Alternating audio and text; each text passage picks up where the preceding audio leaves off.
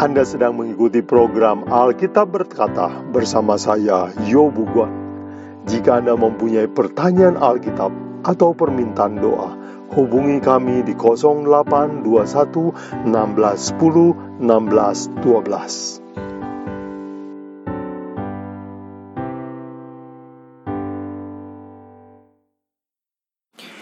Bapak Ibu Saudara sekalian pendengar setia Alkitab berkata Selamat bergabung kembali dalam renungan Natal hari ini.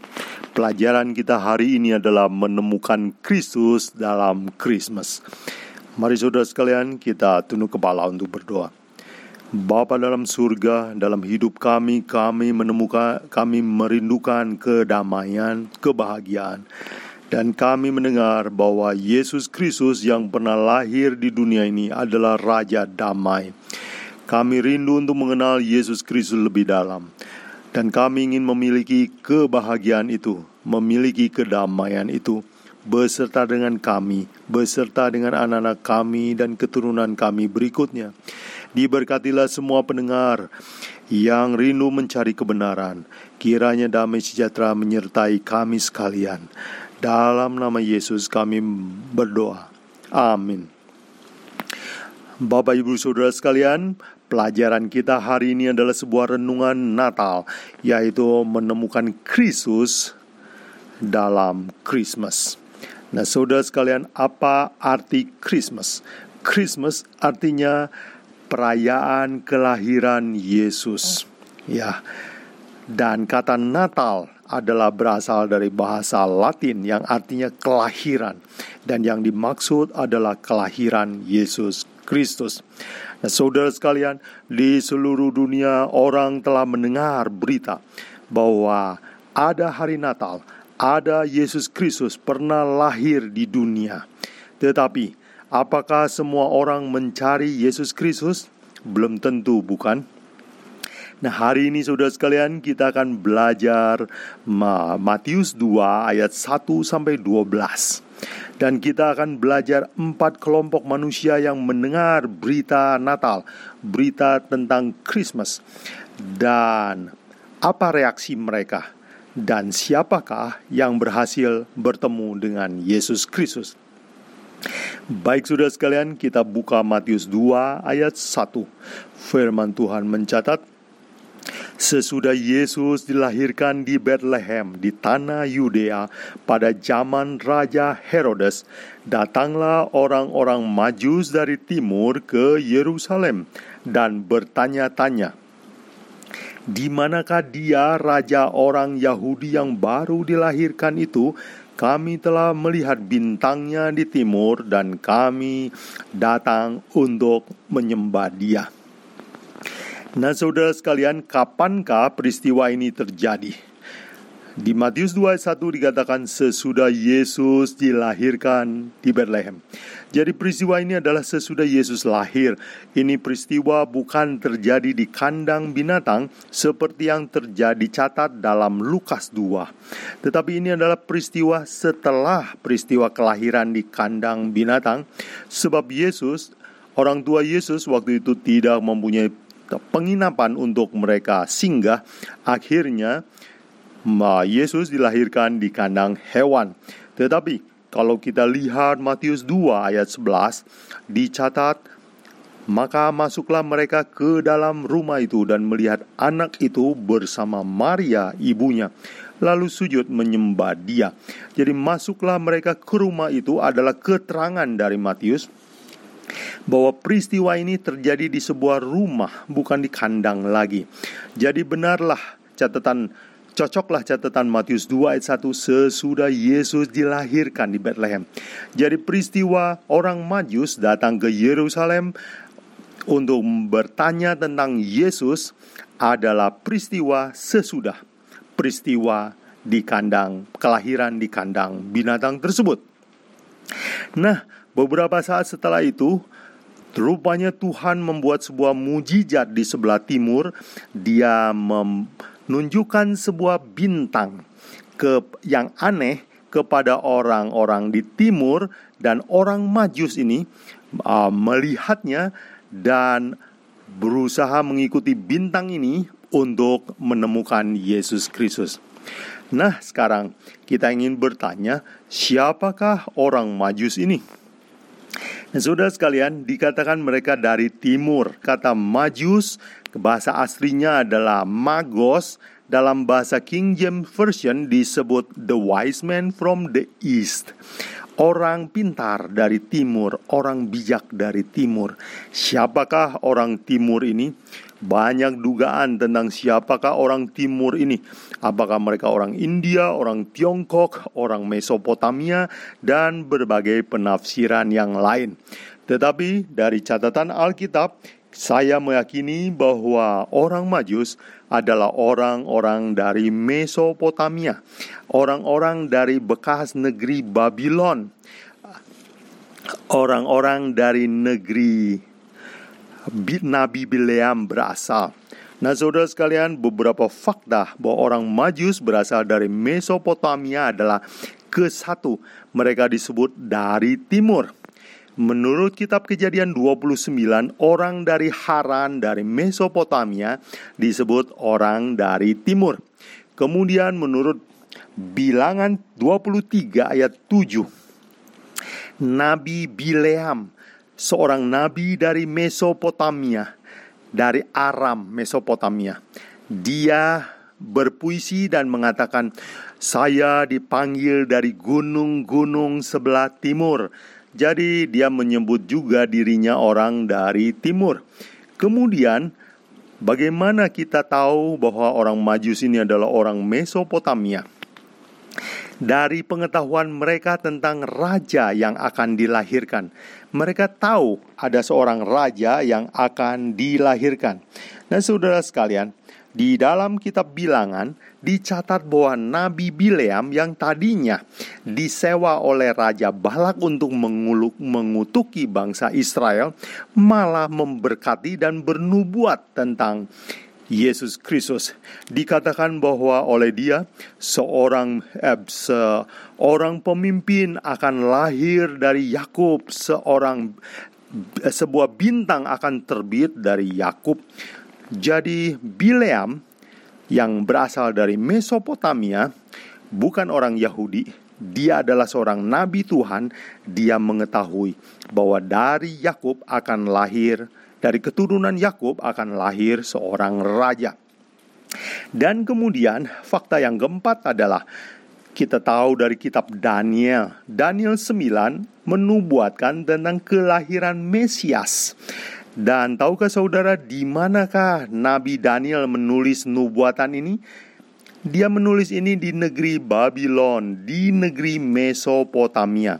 Jadi kita kita mengetahui dari cerita kitab Daniel bahwa Daniel dan teman-temannya adalah anak-anak Tuhan yang baik, berani bersaksi bahkan kepada raja Babylon yaitu Nebukadnezar sampai akhirnya suatu saat raja Nebukadnezar juga bertobat dan percaya kepada Allahnya orang Israel. Jadi saudara sekalian, ah, nubuatan tentang kedatangan Mesias atau dalam bahasa Ibran uh, Yunani disebut Kristos atau raja yang diurapi itu kemungkinan besar diajarkan oleh Daniel di Mesopotamia. Mungkin juga kitab Daniel ada salinannya di Mesopotamia. Jadi saudara sekalian, dari beberapa fakta ini kita saya meyakini bahwa orang Majus adalah orang dari Mesopotamia, negeri bekas Babylon, atau yang zaman sekarang adalah posisi negara Irak berada. Jadi, saudara sekalian, orang Majus ini adalah orang-orang yang percaya kepada kitab-kitab orang Israel, tinggalnya bukan Israel, dan ketika mereka melihat bintang, mereka menafsirkan ini sebagai tanda bahwa raja yang mereka tunggu telah lahir di Israel. Itu sebabnya mereka datang ke Yerusalem untuk bertemu dengan Yesus. Nah, saudara sekalian, Berita tentang kelahiran Yesus adalah dalam bahasa Inggris disebut Christmas. Jadi orang-orang Majus ini mendengar berita Christmas dan mereka berusaha menemukan Yesus Kristus. Mereka menempuh jalan yang jauh bawa hadiah dan mereka dengan sukacita ingin bertemu dengan Yesus. Nah, saudara sekalian, ini adalah kelompok pertama orang yang mendengar berita Natal dan reaksi mereka apa? Mereka ingin bertemu dengan Yesus dan menyembahnya. Mari kita lihat saudara sekalian dalam Matius 2 ini ada orang lain yang mendengar berita tentang Christmas ini tetapi reaksinya berbeda. Mari kita lihat Matius 2 ayat 2. Ketika Raja Herodes mendengar hal itu, terkejutlah ia beserta seluruh Yerusalem. Oh, kelompok kedua yang disebutkan mendengar berita Christmas, kelahiran Yesus adalah Raja Herodes. Dia mendengar bahwa oh ada seorang raja lahir, tetapi dia apa reaksi dia?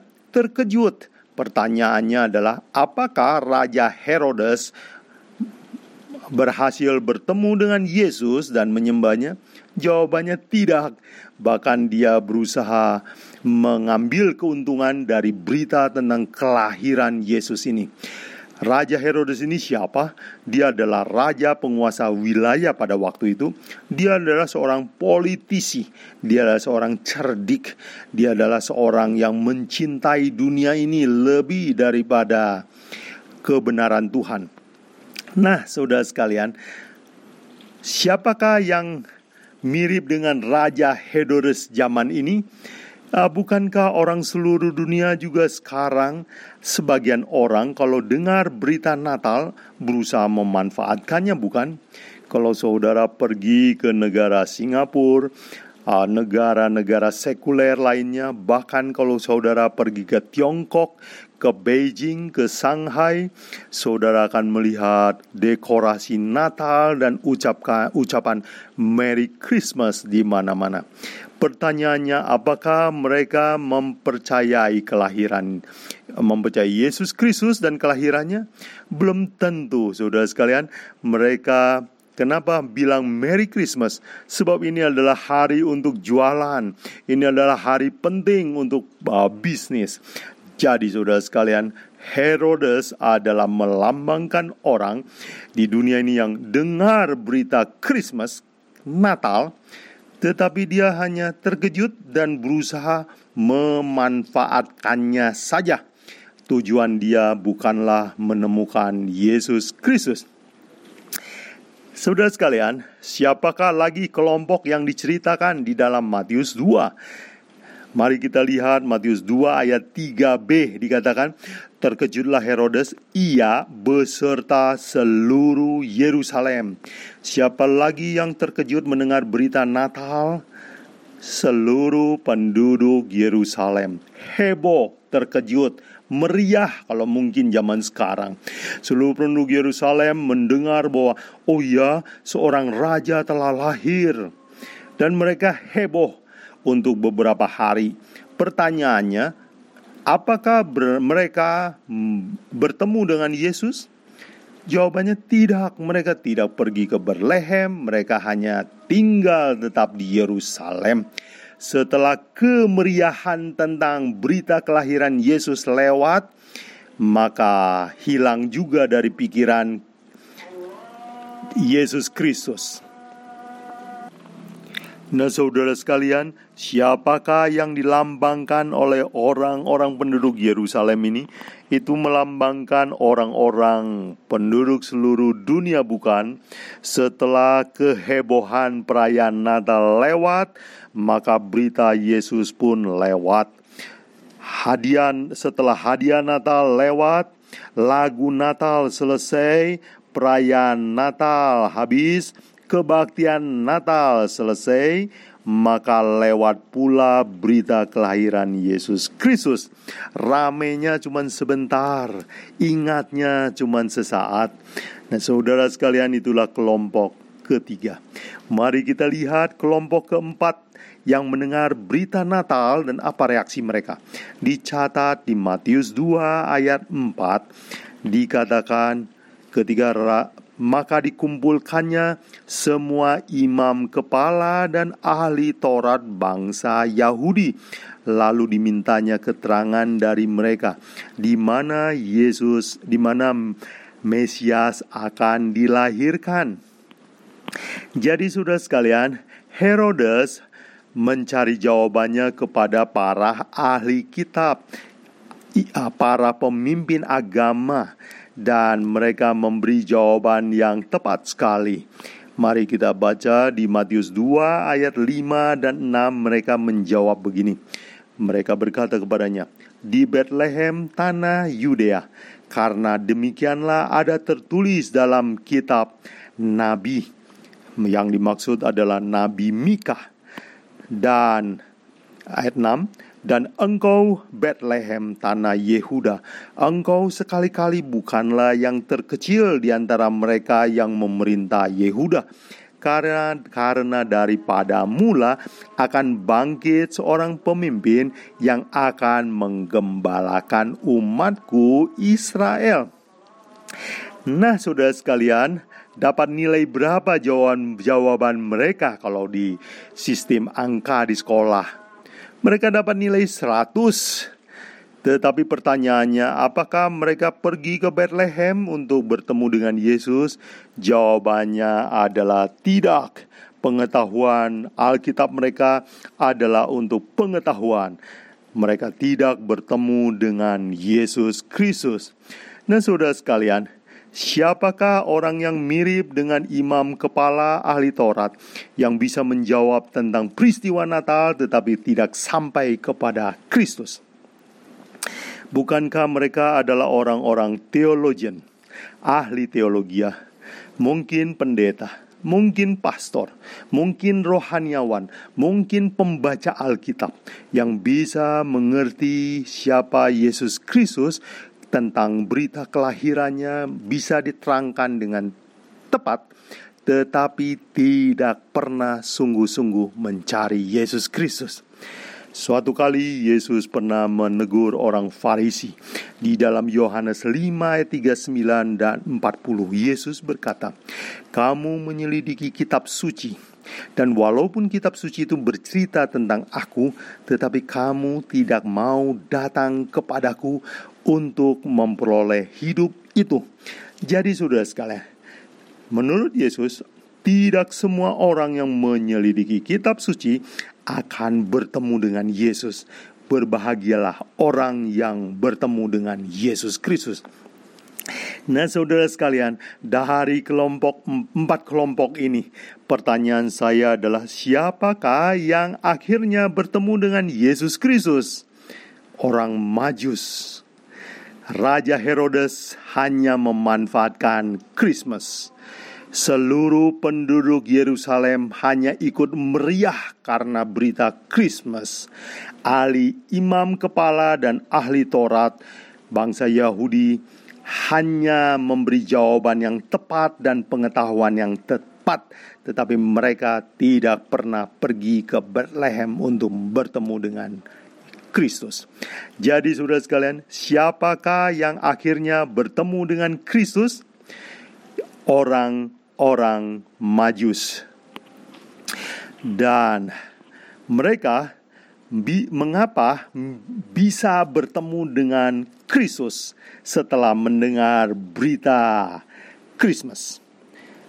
Mari kita lihat empat ciri dari orang Majus ini yang bisa menjadi pelajaran buat kita mengapa mereka menemukan Kristus pada hari Christmas. Orang Majus ini saya catat mempunyai empat ciri yang penting Saudara sekalian Mari kita lihat ciri yang pertama Dikatakan dalam Matius 2 ayat 1 Datanglah orang Majus dari timur ke Yerusalem Nomor satu ciri mereka adalah mereka bersedia berkorban. Mereka bersedia membayar ongkosnya untuk mencari Yesus. Menurut peta, kalau saudara lihat di peta, perjalanan dari Mesopotamia ke Yerusalem kemungkinan sekitar 600 km dan itu ditempuh dengan unta kemungkinan bisa memakan waktu minimal satu bulan. Perjalanan yang jauh bukan, bahkan perlu persiapan yang matang, bawa bekal yang banyak. Siapakah orang yang bisa bertemu dengan Yesus?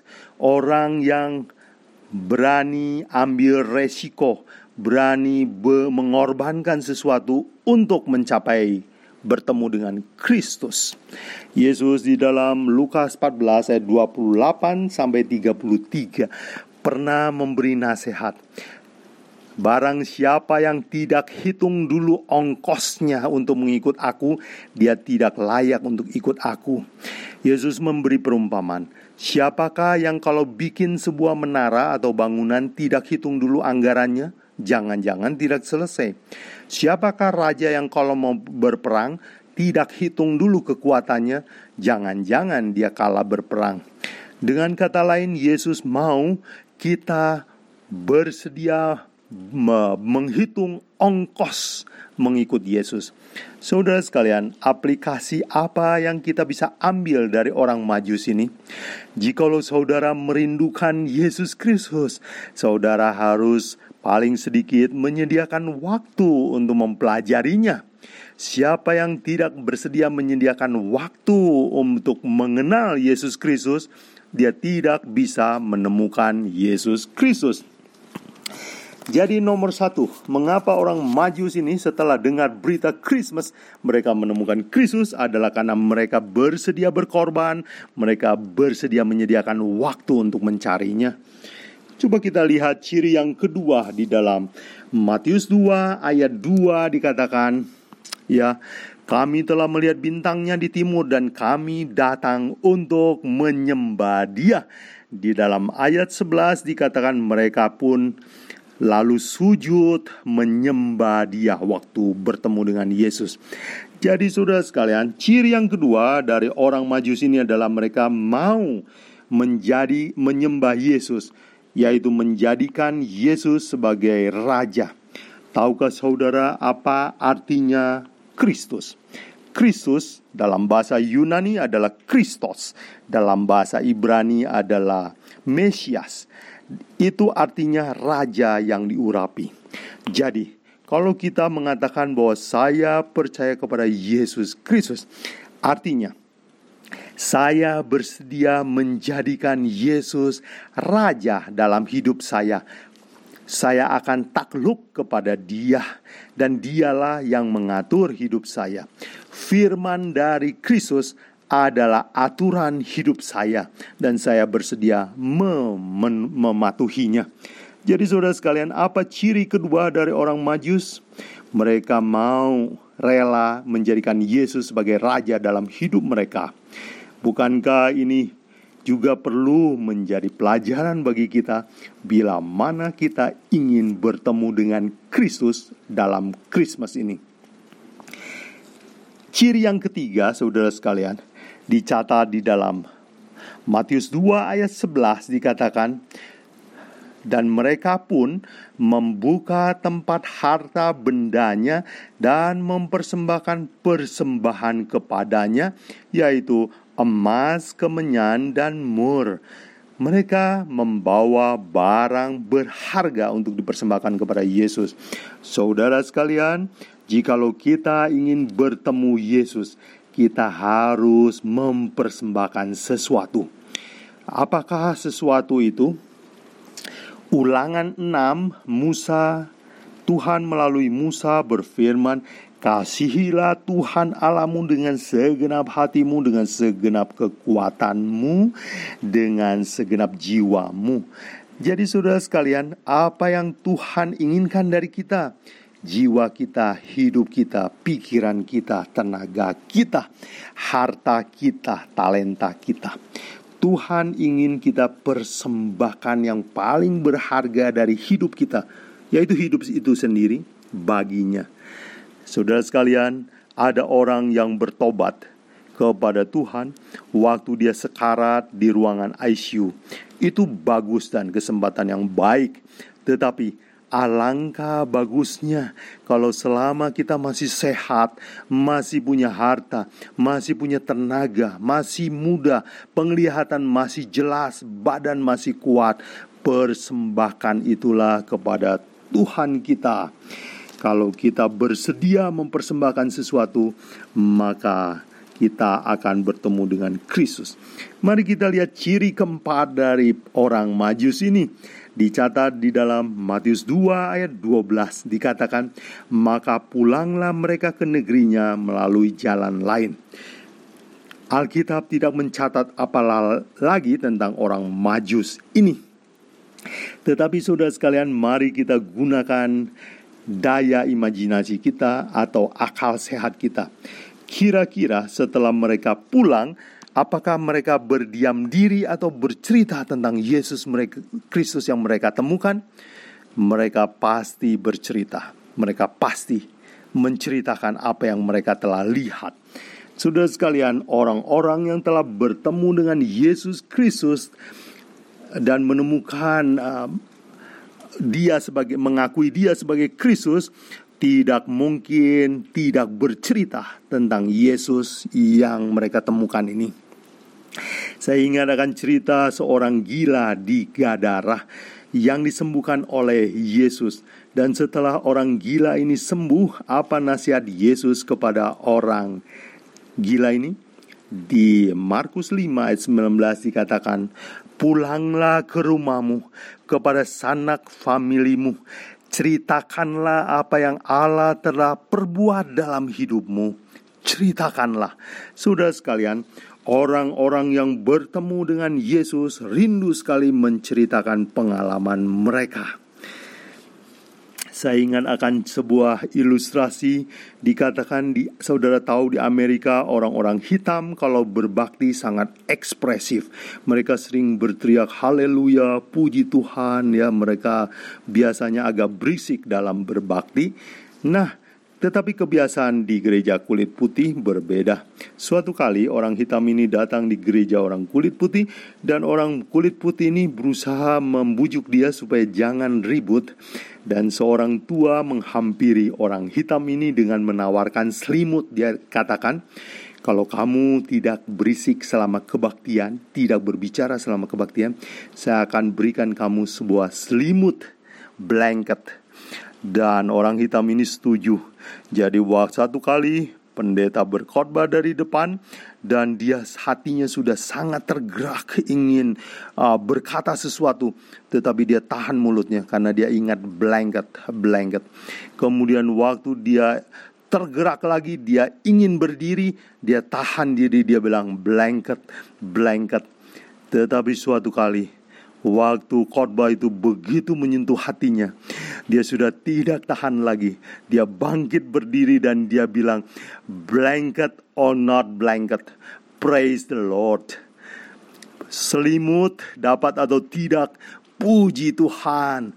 Saudara sekalian, ini adalah sebuah gambaran. Kalau kita bertemu dengan Yesus Kristus, betapa rindunya kita untuk bersaksi, untuk berkata, apa yang telah Dia buat dalam hidup saya. Saudara sekalian, inilah empat ciri dari orang Majus. Mengapa mereka bisa bertemu dengan Kristus setelah mendengar berita tentang kelahirannya? Yaitu yang ke satu, mereka bersedia berkorban tenaga waktu untuk bertemu dengan Yesus. Kedua, mereka bersedia menjadikan Yesus sebagai raja yang mereka sembah, pengatur hidup mereka. Yang ketiga, mereka rela mempersembahkan yang paling berharga dalam hidup mereka. Dan yang keempat, mereka bersedia menceritakan kebaikan yang Yesus buat dalam hidup mereka. Saudara sekalian, hari ini di seluruh dunia merayakan Natal. Berita kelahiran ini telah sampai ke semua telinga. Tetapi, apakah reaksi orang-orang di seluruh dunia? Apakah reaksi saudara? Saudara sekalian, Semoga renungan kita tentang orang Majus yang berhasil menemukan Kristus pada saat Christmas menjadi inspirasi bagi kita. Semoga Natal ini tidak lewat begitu saja. Setelah perayaan selesai, janganlah Kristus juga lewat selesai dari ingatan kita, melainkan kiranya kita bersedia menyediakan waktu mencari Dia sampai dapat, dan kiranya Yesus Kristus itu hidup dalam hati kita dari sekarang sepanjang umur kita, bahkan sampai Kristus datang kedua kali menjemput kita semua. Tuhan memberkati saudara sekalian.